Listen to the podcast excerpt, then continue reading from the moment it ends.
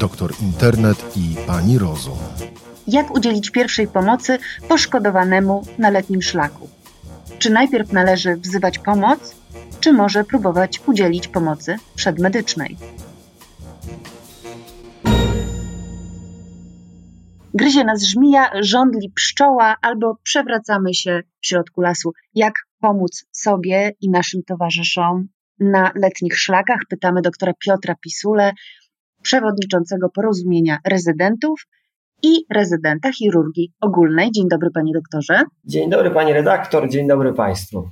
To było pytanie ogólne, ale do takich y, niespodziewanych wypadków y, może i często dochodzi podczas wakacji i wtedy łapiemy się za głowę, że nie pamiętamy, co, co mamy robić. Podobnie jest, gdy jesteśmy świadkiem na przykład wypadku drogowego.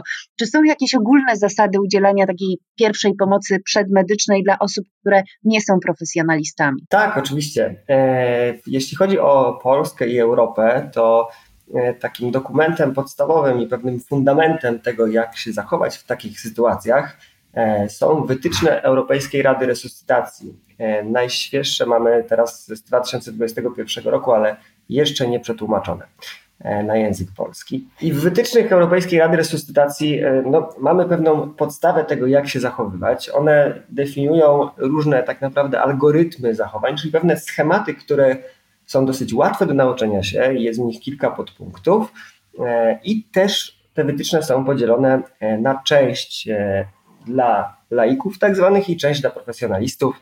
E, to mówi się o tym jako BLS i ALS, czyli Basic Life Support, to jest ta podstawowe zabiegi ratujące życie e, dla osób nieprzeszkolonych, e, szczególnie nieprofesjonalistów medycznych, o, a ALS, czyli ten Advanced Life Support jest zarezerwowany dla profesjonalistów. Mówię o tym dlatego, że prawda jest taka, że w różnych sytuacjach, o których pani redaktor wspomniała, na przykład urządlenie pszczoły, ukąszenie żmii, e, nie zawsze e, osoba nieprzeszkolona będzie mogła pomóc e, bezpośrednio przy tym danym schorzeniu, tak, żeby, żeby zapobiec jego poważnym następstwom. Ale po pierwsze, w każdej z tych sytuacji ostatecznie może dojść do e, tak zwanego nagłego zatrzymania krążenia, czyli sytuacji, w której serce przestaje pracować i ktoś już po prostu w danej chwili umiera. E, no a po drugie, jest pewna grupa działań, które możemy wykonać w pewnym sensie niezależnie od tej sytuacji, pewne proste rzeczy, które możemy ocenić u pacjenta, tak żeby każdemu na miarę swoich możliwości pomóc. Więc myślę, że jeżeli mogę, to byłoby pewnie najlepiej, żebym teraz pokrótce opowiedział o tym, jak najlepiej się w takich sytuacjach zachować. No właśnie, to może zacznijmy od tej żmii, która wydaje się najbardziej przerażająca, ale może się zdarzyć. Oczywiście. E, no, każdym algorytmie udzielania pierwszej pomocy, który proponuje Europejska Rada Resuscytacji, e, pierwszą i podstawową sprawą, o której musimy pamiętać, jest własne bezpieczeństwo, bezpieczeństwo ratownika. Jest takie powiedzenie, że dobry ratownik to żywy ratownik. Krótko mówiąc, niezależnie od tego, w jakiej sytuacji się znajdę, czy to będzie e, sytuacja, w której kogoś z moich znajomych ukąsiła żmija, czy sytuacja, w której ktoś został zaatakowany na ulicy albo nie wiem, pobity powiedzmy, tak? Czy sytuacja, w której doszło do wypadku komunikacyjnego na autostradzie. Jeżeli chcę pomóc, pierwsze i najważniejsze pytanie, które muszę sobie zadać, zanim przystąpię do jakiegokolwiek działania, jest takie, czy jest bezpiecznie? Czy mogę bezpiecznie podejść do poszkodowanego? Czy otoczenie mm, nie sprawia, że za chwilę sam będę kolejnym poszkodowanym? Mhm. I to chciałbym podkreślić, jest absolutny fundament jakichkolwiek działań ratowniczych, tak? Bo nie dość, że jeżeli sami ulegniemy temu samemu zagrożeniu, które, e, któremu uległ nasz poszkodowany, to, to nie dość, że mu nie pomożemy, to jeszcze sami stajemy się kolejnym poszkodowanym, którego służby również będą musiały ratować. I to chciałbym podkreślić jako fundament. Zawsze przede wszystkim upewniamy się, że jest bezpiecznie. To znaczy, oczywiście pewne mm, zawsze przychodzą do głowy pomysły takie, że no, może to czas na jakiś bohaterski czyn e, i pewnie czasami takie bohaterskie czyny się udają i na pewno no, no, trudno ganić kogoś za chęć pomocy, tak? Ale przypominam sobie taką sytuację na przykład nad Morzem Polskim kilka, jeśli nie kilkanaście lat temu, że e, jedna osoba zaczęła się topić, więc kolejna osoba pobiegła do wody, żeby ją ratować i też zaczęła się topić. I takich osób, które dalej kolejne pobiegły ratować było kilka, chyba łącznie siedem albo dziewięć i w pewnym momencie łącznie topiło się dziewięć osób. I ratownicy WOPR-u musieli ich po prostu wyciągać po kolei. I o to właśnie chodzi, żeby, żeby takim sytuacjom zapobiegać, więc najważniejsze, co należy zrobić zawsze w pierwszej kolejności, to upewnić się, czy jest bezpiecznie. Jeżeli mamy poszkodowanego, którego poraził prąd, to na pewno nie podchodzić do niego, dopóki nie upewnimy się, że prąd powiedzmy w budynku czy w danej części budynku jest wyłączony. To jest kluczowa sprawa, żeby ten ratownik, czyli my w tej sytuacji jako ten nieprzeszkolony, ale jednak ratownik, mm, po prostu mógł udzielić pomocy. Tak, wiemy, że jesteśmy bezpieczni i co teraz? Okej, okay. no i teraz y, pierwsza sprawa, którą, y, którą musimy zrobić, to jest y, ocena tego poszkodowanego. I tutaj chciałbym jeszcze podkreślić jedną rzecz. To, że my o tym porozmawiamy, ja mogę pewne rzeczy opowiedzieć i postarać się je przybliżyć, ale mimo wszystko najlepszą, najlepszą metodą, żeby się tego nauczyć, jest jakikolwiek kurs praktyczny. Chociaż raz w życiu, a najlepiej raz na kilka lat warto przejść kurs e, podstawowej pierwszej pomocy dla osób, mm, dla, które nie są profesjonalistami medycznymi, ponieważ przećwiczenie tego mm, daje zupełnie inne e, pojęcie o tych algorytmach, które, e, które chcemy używać w tych sytuacjach nagłych. Jeżeli jest bezpiecznie, wracając do meritum, no to pierwsze, co musimy zrobić, to jest wstępna ocena poszkodowanego, czyli sprawdzamy, czy nasz poszkodowany jest przytomny. To jest bardzo proste, bo wystarczy do, do osoby, powiedzmy, leżącej gdzieś na chodniku, czy leżącej w lesie, podejść, potrząsnąć ją lekko, delikatnie za ramiona, zapytać, czy pan mnie słyszy, czy wszystko w porządku e, i zobaczyć, czy mamy jakąkolwiek odpowiedź. Tak? Bo może być tak na przykład, że, że ktoś, no nie chcę powiedzieć, może zasnął, jeżeli jest jakaś sytuacja nagła, ale może się zdarzyć, że idąc ulicą po prostu znajdziemy kogoś leżącego na ulicy. Tak? I, i, i może się okazać, że on jeszcze mm, nie jest osobą, która już doszło, której już doszło do nagłego zatrzymania krążenia, e, ale osobą, która wymaga dosyć szybkiej pomocy, ale jeszcze przytomną, jeszcze z nami rozmawia, tak? Więc, więc to jest pierwsza sprawa. Czy nasz poszkodowany jest przytomny? Druga rzecz, którą musimy zrobić, e, jeżeli, e, jeżeli nie ma odpowiedzi, to jest udrożnienie dróg oddechowych. I tutaj przychodzą nam z pomocą, jeżeli mamy problem z tym, żeby zapamiętać, jak działać po kolei, takie literki, pierwsze trzy litery alfabetu, czyli A, B i C, E, to z angielskiego jest A od airway, czyli drogi oddechowe, B, czyli breathing, czyli oddech i e, C, czyli circulation, czyli, czyli krążenie. I e, pierwszą i najważniejszą sprawą jest udrożnienie dróg oddechowych, ponieważ u osób nieprzytomnych hmm, dochodzi do takiej sytuacji, że mięśnie stają się po prostu wiotkie, tak? bo te osoby po prostu tracą przytomność i, i, i napięcie mięśni spada i nie we wszystkich pozycjach E, drogi oddechowe tutaj na poziomie gardła e, są drożne. I w takiej sytuacji, jeżeli mamy poszkodowanego, który nie jest urazowy, czyli nie jest po wypadku komunikacyjnym, nie, jest, nie spadł z drabiny z 4 metrów, najlepszą metodą jest po prostu e, odchylenie jego głowy do tyłu. Kiedy on leży na plecach, możemy położyć rękę na jego czole, dwoma palcami przytrzymać podbródek od spodu i odchylić mu głowę do tyłu.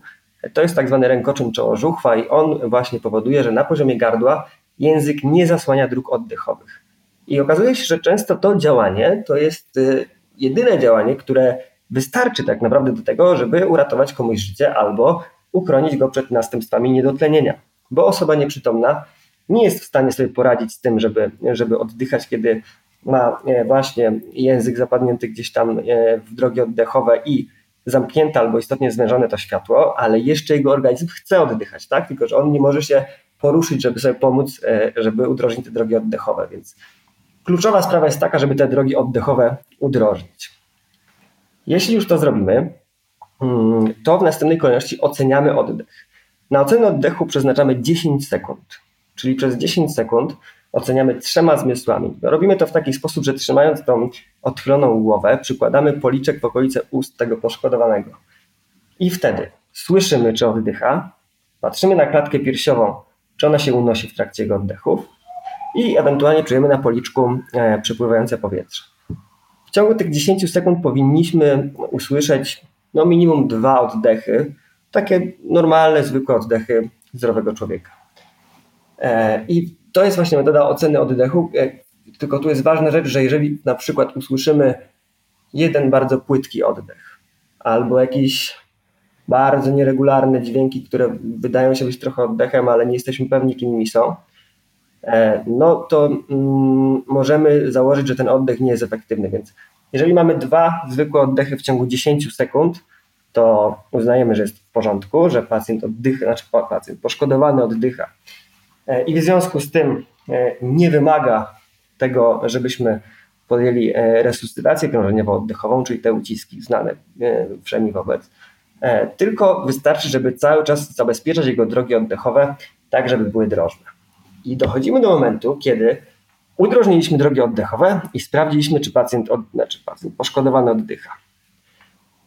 To jest moment, kiedy e, należy wezwać tak naprawdę jakąś pomoc, e, czyli po prostu zadzwonić po numer 112 i tam porozmawiać z dyspozytorem. Tutaj jeszcze ważne e, kilka zasad panuje. Takiemu dyspozytorowi e, opowiadając e, o tym, w jakiej znaleźliśmy się sytuacji, najlepiej powiedzieć od razu, gdzie jesteśmy, kto jest poszkodowanym, mniej więcej. Mężczyzna, lat około 40, 8-letnie dziecko, starsza pani, cokolwiek. Gdzie jesteśmy, kto jest poszkodowanym i czy mamy ten oddech, czy nie mamy tego oddechu. I tutaj kolejna ważna sprawa jest taka, że w rozmowie z tym dystrybutorem nie rozłączamy się nigdy pierwsi. Jeżeli rozmawiamy z numerem alarmowym 112, to zawsze dyspozytor na koniec tej rozmowy podpowie nam, e, że on dziękuję, wysyła pomoc albo zgłasza to dalej do pogotowia ratunkowego i że się rozłącza. I to jest dopiero moment, w którym ta rozmowa się kończy.